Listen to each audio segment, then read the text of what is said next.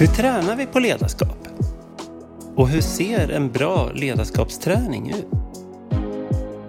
Jag heter Robert Ljung och jobbar som analytiker på Myndigheten för arbetsmiljökunskap och jag hälsar er varmt välkomna till detta avsnitt av Arbetsmiljösnack.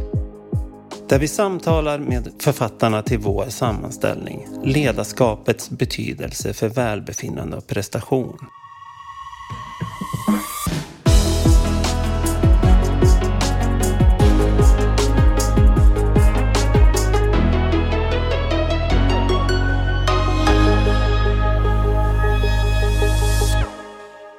Jag sitter i en studio i Umeå tillsammans med tre stycken ledarskapsforskare.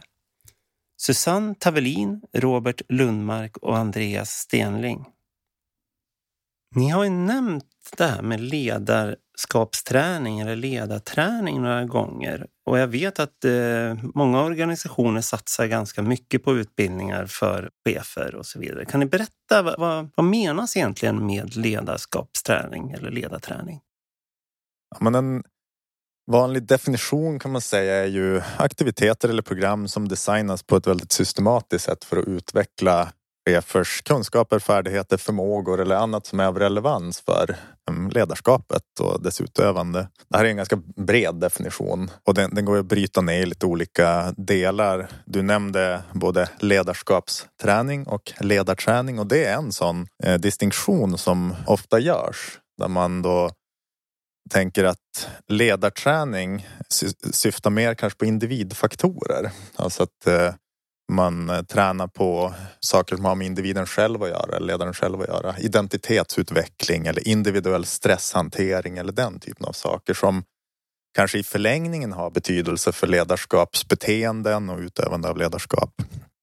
Men det är mer en indirekt approach. Sen så brukar man prata om ledarskapsträning som handlar mer om ja, men interpersonella aspekter. Alltså relationen till medarbetare och mer sociala faktorer. Så att det, ledarskapsträning ses väl lite mer som ett holistiskt perspektiv och fokuserar mycket på, på det sociala. En fundering i, i, i relation till ledarträning är ju om det är värt det. Ska vi satsa resurser på ledarträning? Ja, det här är ju en väldigt intressant fråga för det finns ju mycket som en organisation skulle kunna satsa på. Så varför ska man just satsa på det här med ledarträning? Och det har gjorts en hel del beräkningar av just det här. Är det värt det? För att försöka få ett, ett svar eh, på ja, men om det kostar så här mycket, vad får vi tillbaka då av den här insatsen? Och det man kan säga är ju att det finns beräkningar som visar att investeringen man gör i ledarträning kan, om ledarträningen är väldesignad och effektiv, alltså att den, den är liksom bra på alla sätt och vis. En optimal ledarträning kan generera väldigt mycket tillbaka till organisationen.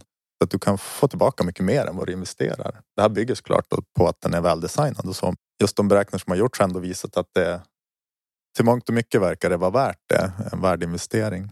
Det man också har sett i, i de här studierna, det finns ett antal metaanalyser där man har försökt sammanställa tidigare forskning och göra beräkningar av ja, hur, mycket, hur mycket vinst kan man gå kan man säga, inte bara i termer av ekonomisk vinst utan hur mycket positiva effekter får vi. Och där har man sett att om vi jämför då eh, att genomföra ledarträning och dess effekter med att inte göra det så kan man få stora vinster, till exempel i termer av att medarbetarna mår bättre, att de presterar bättre och när man har räknat på det i siffror så ser man upp mot 30-procentiga ökningar som man vinner utifrån att göra de här ledarträningarna. Det skiljer sig åt mellan, mellan olika utfall och de senaste rönen visar att man ser starkare effekter på liksom organisationsnivå, till exempel vinst för ett företag, än vad man ser på medarbetarnivå. Men där kan man ju tänka sig att Får man många små positiva effekter bland många medarbetare så kommer det tillsammans att skapa mycket positiva saker för organisationen. Så det, det finns rimliga förklaringar till att det ser ut så. Men eh, för att sammanfatta så ja, det verkar vara värt det. Det finns ganska mycket beräkningar som tyder på att det har ganska stora effekter. Men det bygger också på att den är väldesignad. Vad vet vi mer specifikt om vad ledarträning kan bidra till? Alltså, jag tänker både på, på medarbetare och organisationsnivå. det finns ganska gott stöd för att ledarträning har positiva effekter på medarbetares välbefinnande, prestation men också på organisationsnivå då, i relation till till exempel produktivitet och vinst. Och det som kanske är särskilt intressant som man har sett här i de senaste studierna är just att ledarträning verkar ha en större effekt på organisationsnivå än på medarbetarnivå. Då brukar man prata om att ja, men, vi har kanske en uppåtgående effekt, en trickle up effekt som är starkare än den nedåtgående eller trickle down effekten. Och det här är lite intressant, men, men det är väl just det här att ackumuleringen av många små positiva effekter bland medarbetarna kan tillsammans troligtvis generera större effekter för organisationen eller företaget eller verksamheten. Så det är ju en sån möjlig förklaring. Det här har dock inte studerats på det sättet så att det, det är någonting som vi skulle behöva titta mer på. Men det känns som en rimlig förklaring varför vi ser olika siffror på effekterna på organisationsnivå och eh, medarbetarnivå. Men när man tittar på ja, men vanliga utfall bland medarbetarna som ofta undersöks, då är det att vi, vi ofta ser positiva effekter på välbefinnande, på motivation till arbetet. Vi ser ofta ett ökat engagemang, en större arbetstillfredsställelse, eh, men även att personalen presterar bättre. Så det finns ganska mycket evidens för många olika positiva effekter, både på välbefinnande och, prestation. Aha, ni, ni säger att en väldesignad ledarträning kan vara väldigt positivt. Men är det någonting särskilt man bör träna på? Ja, men det de flesta studier har undersökt hittills är träning av konstruktiva ledarbeteenden. Så det är det vi har mest kunskap om. Och där har man sett i studier att de flesta chefer kan öka sina transformerande beteenden till exempel. Så att de flesta chefer kan faktiskt bli aningens mer transformerande. Sen har det väl börjat komma några enstaka studier även om, om destruktivt ledarskap där man även har sett att man med ledarträning också kan minska eh, graden av destruktiva beteenden. Till exempel att öva på att vara mer rättvis och transparent, vänlig, lyssna och så vidare. Men tillbaka till de konstruktiva träningar som vi vet allra mest om. När man har sett vad är det som gör att en ledarträning faktiskt får god effekt på medarbetarna så har man sett att bland de träningar som lyckas bäst så finns det en gemensam faktor. Och det är att man tränar på beteenden som handlar om att man som chef visar tilltro till personalens förmåga och att man har höga förväntningar på sin personal. Så att man säger blåser upp personalens tilltro till sig själv och får dem att tro på sig själva. Det är den typen av träningar som har eh, störst effekt sen på medarbetarna och på medarbetarutfall. Så att, eh, ja, det verkar vara en central aspekt. Eh, och det här kallas för Pygmalion-effekt och ett fenomen inom forskning just det att man ska få följarna att helt enkelt tro på sig själva samtidigt som man kommunicerar att man har en hög tilltro till dem. Då verkar ledarträningen sen få bäst effekt på personalen. Det var vi inne på det här med att dela med sig av makten, att man visar att vi har en tilltro till att ni kommer hitta visionen till exempel. Eh, att här har vi visionen men det är inte bara jag som ska eh, ta oss till den. Utan jag tror att ni har god förmåga. Och, så att, eh, empowerment kallar man ju det där för på engelska. Jag vet inte vad man ska säga på svenska. Jag tror att empowerment översätts till bemyndigande.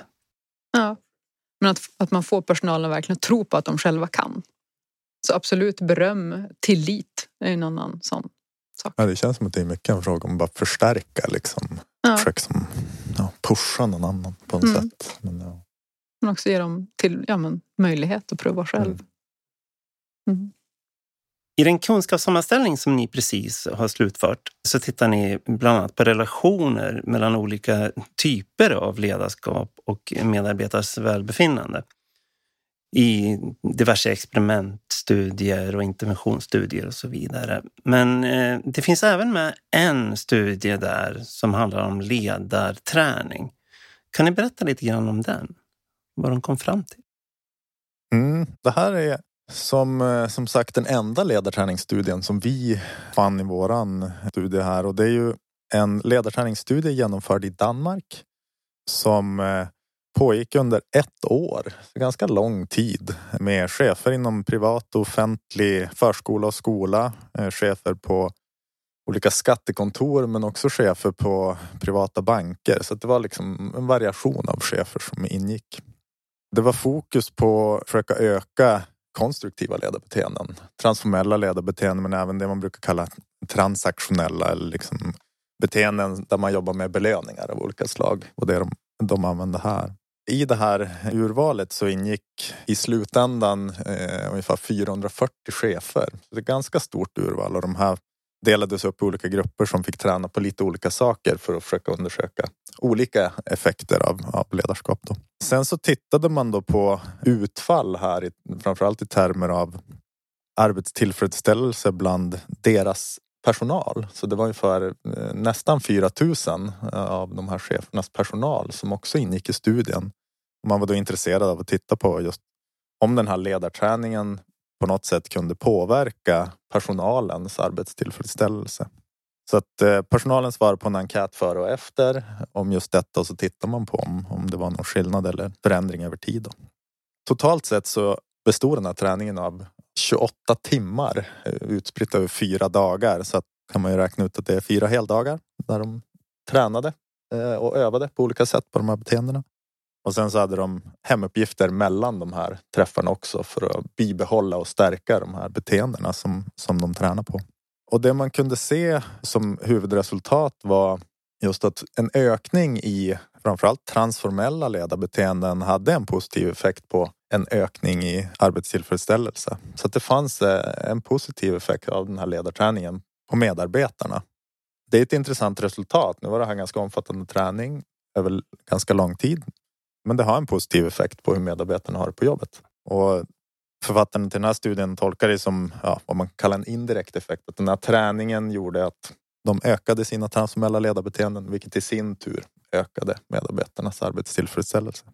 Men det är som sagt den enda ledarträningsstudien vi såg i vår rapport och det var väl lite förvånande att vi inte såg fler.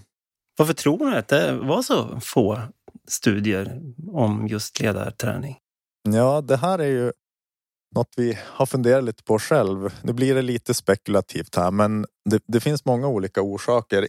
Innan jag går in på dem så är det viktigt att komma ihåg att vi hade ju avgränsningar i den här rapporten som också gjorde, gjorde sitt. Så att vi tittar bara på forskning från 2015 och framåt. Och vi hade vissa andra kriterier för vilka studier som fick vara med och inte. Men med det sagt så var det ändå lite förvånande. Men det kan ju handla om att, att ledarträningsstudier är, ja, men det är ganska svårt och resurskrävande att genomföra. Så att det kan finnas kanske kontextuella faktorer som, som begränsar möjligheter att genomföra sådana studier. Det, det, är svårt med kontroll. Vi vill ju ofta kontrollera saker så att vi kan säkerställa att det är just träningen som påverkar det vi är intresserade av. Finns det något mer att säga om det? Man kanske kan lägga till där också att de, det mesta av den ledarträning som utförs görs ju inte av forskare. Och att bedriva en ledarskapsutbildning som konsult eller utbildare och få med forskare i de sammanhangen innebär ju kanske också då en risk i att bli utvärderad i termer av är det här effektivt eller inte och så har andra verksamheter investerat mycket pengar i det. Så det ju, kan ju också vara ett, en, en orsak till varför det är så få ledarskapsutbildningar som faktiskt utvärderas. Och det faktum då att få forskare ägnar sig åt att eller har möjlighet att bedriva eller utforma och utvärdera ledarskapsträningar. Och sen så ytterligare en aspekt är att många av ledarträningarna fokuserar ju på konstruktiva beteenden, till exempel transformella beteenden. Men när det gäller till exempel träning för att reducera destruktiva beteenden så, så kan det ju dels vara kanske svårt att göra det på ett etiskt sätt. Det, det är knepigt att utsätta personalen för för destruktiva ledarbeteenden, då behöver man kanske hitta andra vägar för att, att studera det och det kan vara en orsak till att vi inte ser, än så länge i alla fall, ledarträningsstudier som har fokuserat på destruktivt ledarskap. Om man ska genomföra en ledarutbildning, vilka faktorer ska man då eh, beakta för att det ska bli som mest effektivt? Ja, men det här är ett intressant område, ett helt eget forskningsområde i sig. Eh, där man tittar på hur ja, utbildningar generellt i arbetslivet. Hur ska man lägga upp dem så att deltagarna faktiskt går därifrån och använder sig av det man har lärt sig efteråt och tillämpar det i sin vardag. Det här kallas för transfer, alltså en överföring av från utbildningssituationen sen tillbaka till, till arbetet. Och det man sett är att det är tre faktorer som spelar roll här. Dels är det individfaktorer, alltså i det här fallet av chefens egen motivation till träningen. Eh, men också kognitiv förmåga, alltså begåvning, personlighet. Men också attityder till själva träningen. Och då kanske inte framförallt om man tyckte att träningen var rolig, men om man tyckte att den var användbar. Då ser man att ja, men då ökar transfern, då tar man med sig mer kunskaper från träningen. Sen har man också sett att träningens design spelar roll, alltså hur man som utbildare lägger upp eh, ledarträningen.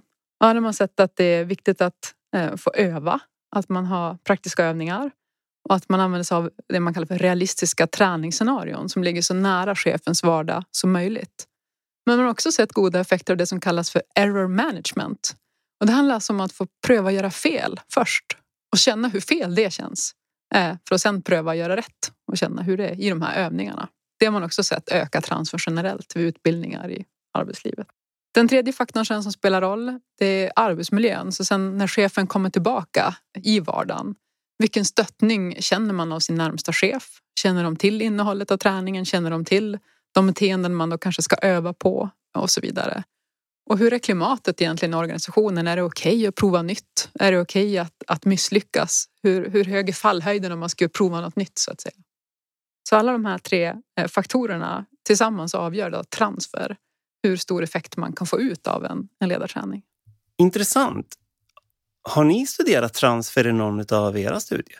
Ja, vi har tittat på lite olika saker där. Dels har vi tittat på vilken roll chefers motivation spelar för transfer, alltså om man tar med sig nya ledarbeteenden eller inte. Och det jämförde vi det vi kallar för kontrollerad motivation, att man egentligen bara är där för att man måste. Eller eh, det vi kallar för självbestämmande motivation, att man är där för att man vill och man tycker det är intressant.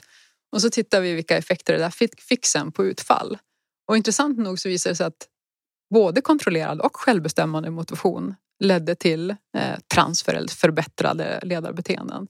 Så det verkar inte vara helt avgörande om chefen är där, blev dittvingad eller känner stark, brinner stort. Utan eh, som utbildare kan man tänka att ja, men båda, båda grupperna kan faktiskt utvecklas av ledarträning, vilket ju är positivt. Men det vi också såg att på lång sikt så var det egentligen mer de här arbetsmiljöfaktorerna och klimatet som var viktigt. Vilket inte är så konstigt för det är där chefen hamnar sen så att säga. Så när vi följde upp det här senare så såg vi att ja, men det var klimatet i organisationen och hur stöttande och, motiverande det var som avgjorde om man faktiskt fortsatte sig och använde sig av de här beteendena man fick öva på i ledarträningen. Så det är en aspekt. Eh, sen har vi också tittat på boosteraktiviteter. Alltså vad kan man, om man nu har en ledarträning utspridd under några månader, vad kan man göra för att hålla ledarträningen varm mellan träffarna? Så att inte cheferna bara kommer tillbaka sin vardag, glömmer bort träningen och sen hopps, oj nu var nästa utbildningstillfälle. Och där jämförde vi två olika typer av boostrar där hälften av cheferna i vår studie då fick e-postmeddelanden med små hemläxor som de fick öva på. Och den andra hälften de fick telefoncoachning. Hur går det för dig och din handlingsplan? Vad har du gjort sen senast? Så jämförde vi, spelar det någon roll eh, om man får coachning eller om man får e-postmeddelanden? Och de fick man då faktiskt tre gånger i veckan. Man fick en liten hemuppgift på måndag som vi sen påminde om på onsdag och sen följde vi upp, för kan du lära dig av det här? Intressant nog så såg vi att sen när vi följde upp det här så var det faktiskt e-postboosten nog så effektiv kontra den här coachningen. Så att cheferna som hade fått e-post, när vi tittar sen på personalens skattningar av ökade ledarbeteenden, konstruktiva då, så fanns det en liten fördel där. Och det tänker vi är något positivt för en e-postbooster kan man ju lätt skala upp till många chefer. Coachning är ju är mycket mer resurskrävande. Så digitala former av boosteraktiviteter kan ha god effekt för att hålla träningen varm mellan träffarna. Så hur, ska man, hur skulle man lägga upp en, en, eh, en ledarträning för att den ska bli så effektiv som möjligt? Ja, men det är intressant. Evidensen är tydlig. Ledarträningsprogram är effektiva. Det är det de eh, stora senaste studierna alla pekar på. Men det finns ganska många saker som man behöver tänka på innan man sätter ihop ett ledarträningsprogram som ska bli effektivt. Och tittar man på de här sakerna så en jätteviktig startpunkt är ju vad man kallar en behovsanalys. Vad är behovet? Vad är det vi som organisation önskar få ut av det här? Så det behöver man sätta sig ner och klarlägga innan ledarträningen designas. Så att behovsanalys, identifiera önskvärda utfall, det är jätteviktigt. Att använda olika metoder i träningen är också en sak som man ser ökar effekten av den. Så det kan handla om liksom föreläsningar och presentationer, att man demonstrerar saker, men också att deltagarna får träna. Och behöver man reducera mängden metoder man kan använda så är det just träning som man har sett som är särskilt viktigt. Det är viktigt att få öva på ledarbeteenden som man tänker sig att, att deltagarna ska ta med sig sen in i, i arbetet. En sak som är ganska vanligt förekommande i olika såna ledarutbildningar eller ledarträningar är något som kallas 360 feedback. Alltså att man som chef eh, får feedback kanske både från sin chef och från sina medarbetare och kanske från någon kollega. Det här har man dock sett kanske inte är så effektivt som man tror utan ofta så räcker det kanske med feedback från en källa snarare än att få det från flera. Så här kan man tänka sig att resurserna man lägger på att ha feedback från flera källor kan användas på ett bättre sätt. Så det räcker ofta med feedback från en källa. Det är viktigt att ha flera sessioner, så hellre flera sessioner utspridda över tid än att ha kanske långa utbildningsdagar. Så att det kan vara bättre att ha säg åtta entimmas sessioner med någon vecka eller månad emellan snarare än att ha en hel dag som är åtta timmar. Sen så har man också sett att självadministrerade ledarträningsprogram, alltså självhjälpsprogram om man nu kan kalla dem så, är mindre effektiva än att ha ledarträning som leds av, det kan ju vara någon internt i organisationen eh, eller någon extern, till exempel en konsult eller forskare eller en kombination av någon intern och extern. Så att bättre effekt ser man när, när man har någon som leder en, eh, ledarträningen det man också har sett att det är viktigt att försöka konsultera både med praktiker, alltså de som arbetar i organisationen eller andra med expertis i organisationsutveckling eller ledarutveckling och forskare för att kunna optimera effekten av ledarträning så att man, man får en tydlig evidensbas både ur ett praktiskt perspektiv och ett, ett vetenskapligt perspektiv. Sen så är det ju så att fysiska träffar helst i egna lokaler, alltså på arbetsplatsen har man sett är mer effektivt än att till exempel samlas ut på en kursgård eller hålla det på distans eller online. Sådär. Så att alla de här faktorerna har man sett bidrar till en bra design som i sin tur ökar effekten. Här kan man kanske också lägga till att just det här med att bedriva utbildningen på plats, alltså där man sen också kan förvänta sig att de här beteendena ska nå någon form av effekt alltså i verksamheten i sig också har betydelse för att åstadkomma det Susanne var inne på tidigare som handlar om transfer.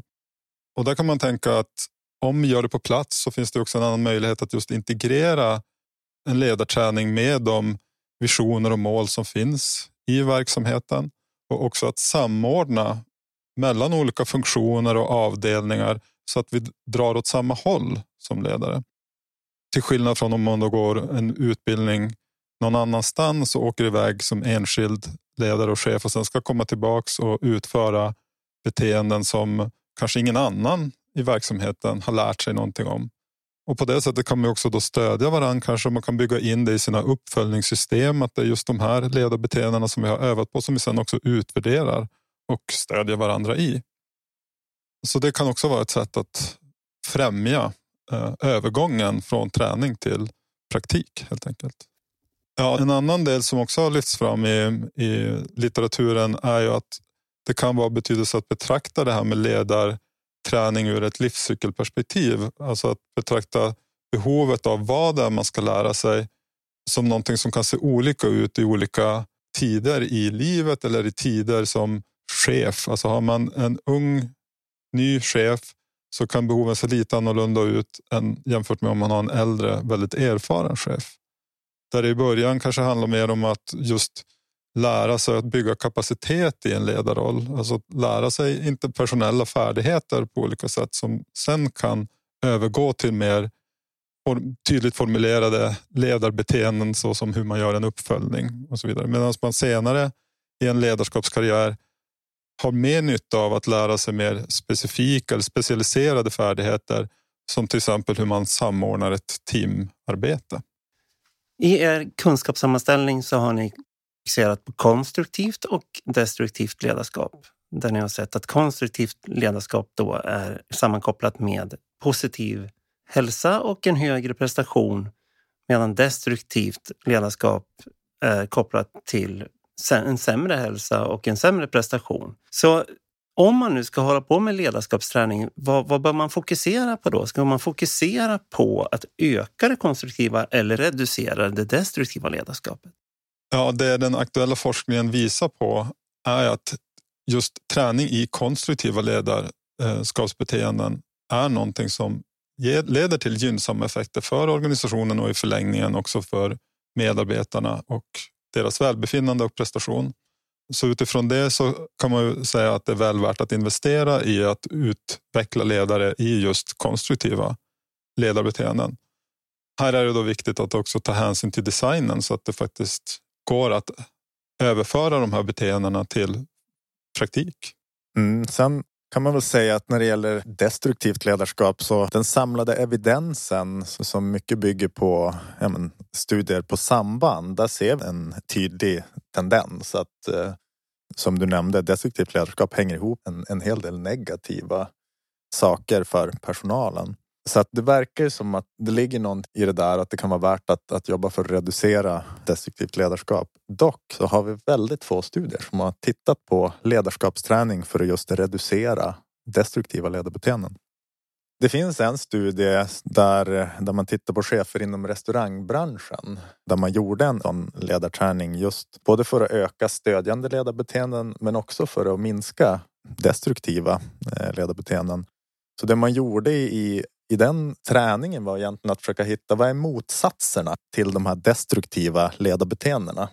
Kan vi eh, liksom öka den typen av beteende? Då fokuserade man särskilt på att cheferna skulle visa mer välvilja, skulle vara ärliga, att de skulle vara rättvisa och att de också skulle öva på mindfulness eller att mer medveten om, om sig själv då, framförallt. Och alla de här sakerna är egentligen kan man säga, motsatser till, till det vi ser när, när chefer är destruktiva. Att man ja, visar illvilja eller man är otrevlig och man är aggressiv och hotfull. Att man är oärlig, att man är orättvis och, och sådana saker. Och Även om det här var en ganska liten studie så visar den på lovande resultat. Att man såg att personalen upplevde mindre destruktiva ledarbeteenden efter träningen och mer stödjande beteenden. Så att det finns lite evidens kring att, att ledarträning för att reducera destruktivt ledarskap kan vara verksamt. Dock är det fortfarande väldigt lite forskning på det i relation till eh, forskning på ledarträning för att öka konstruktiva beteenden. Sen i praktiken så är ju inte chefer antingen konstruktiva eller bara destruktiva. Utan de allra, allra flesta chefer är både och. Man kanske för det mesta är konstruktiv men sen ibland blir passiv, undvikande eller tappar humöret och så vidare. Och det här, eh, om vi ska spana lite framåt, eh, så tänker vi oss att det är åt det här hållet ledarskapsforskningen är på väg nu och titta på det som kallas för inkonsekvent ledarskap. Att chefer i praktiken faktiskt är både och. Och vi tänker oss att det här är också någonting man kommer behöva ta hänsyn till i, i ledarskapssammanhang hur olika kombinationer av konstruktiva och destruktiva beteenden påverkar personalen. För att anpassa träningen till hur ledarskap faktiskt tar sig uttryck i praktiken. Ni har nu lyssnat på det nionde avsnittet av Arbetsmiljösnack. Vi tackar Susanne, Robert och Andreas för detta samtal. Du hittar kunskapssammanställningen Ledarskapets betydelse för välbefinnande och prestation på vår webbplats mynak.se.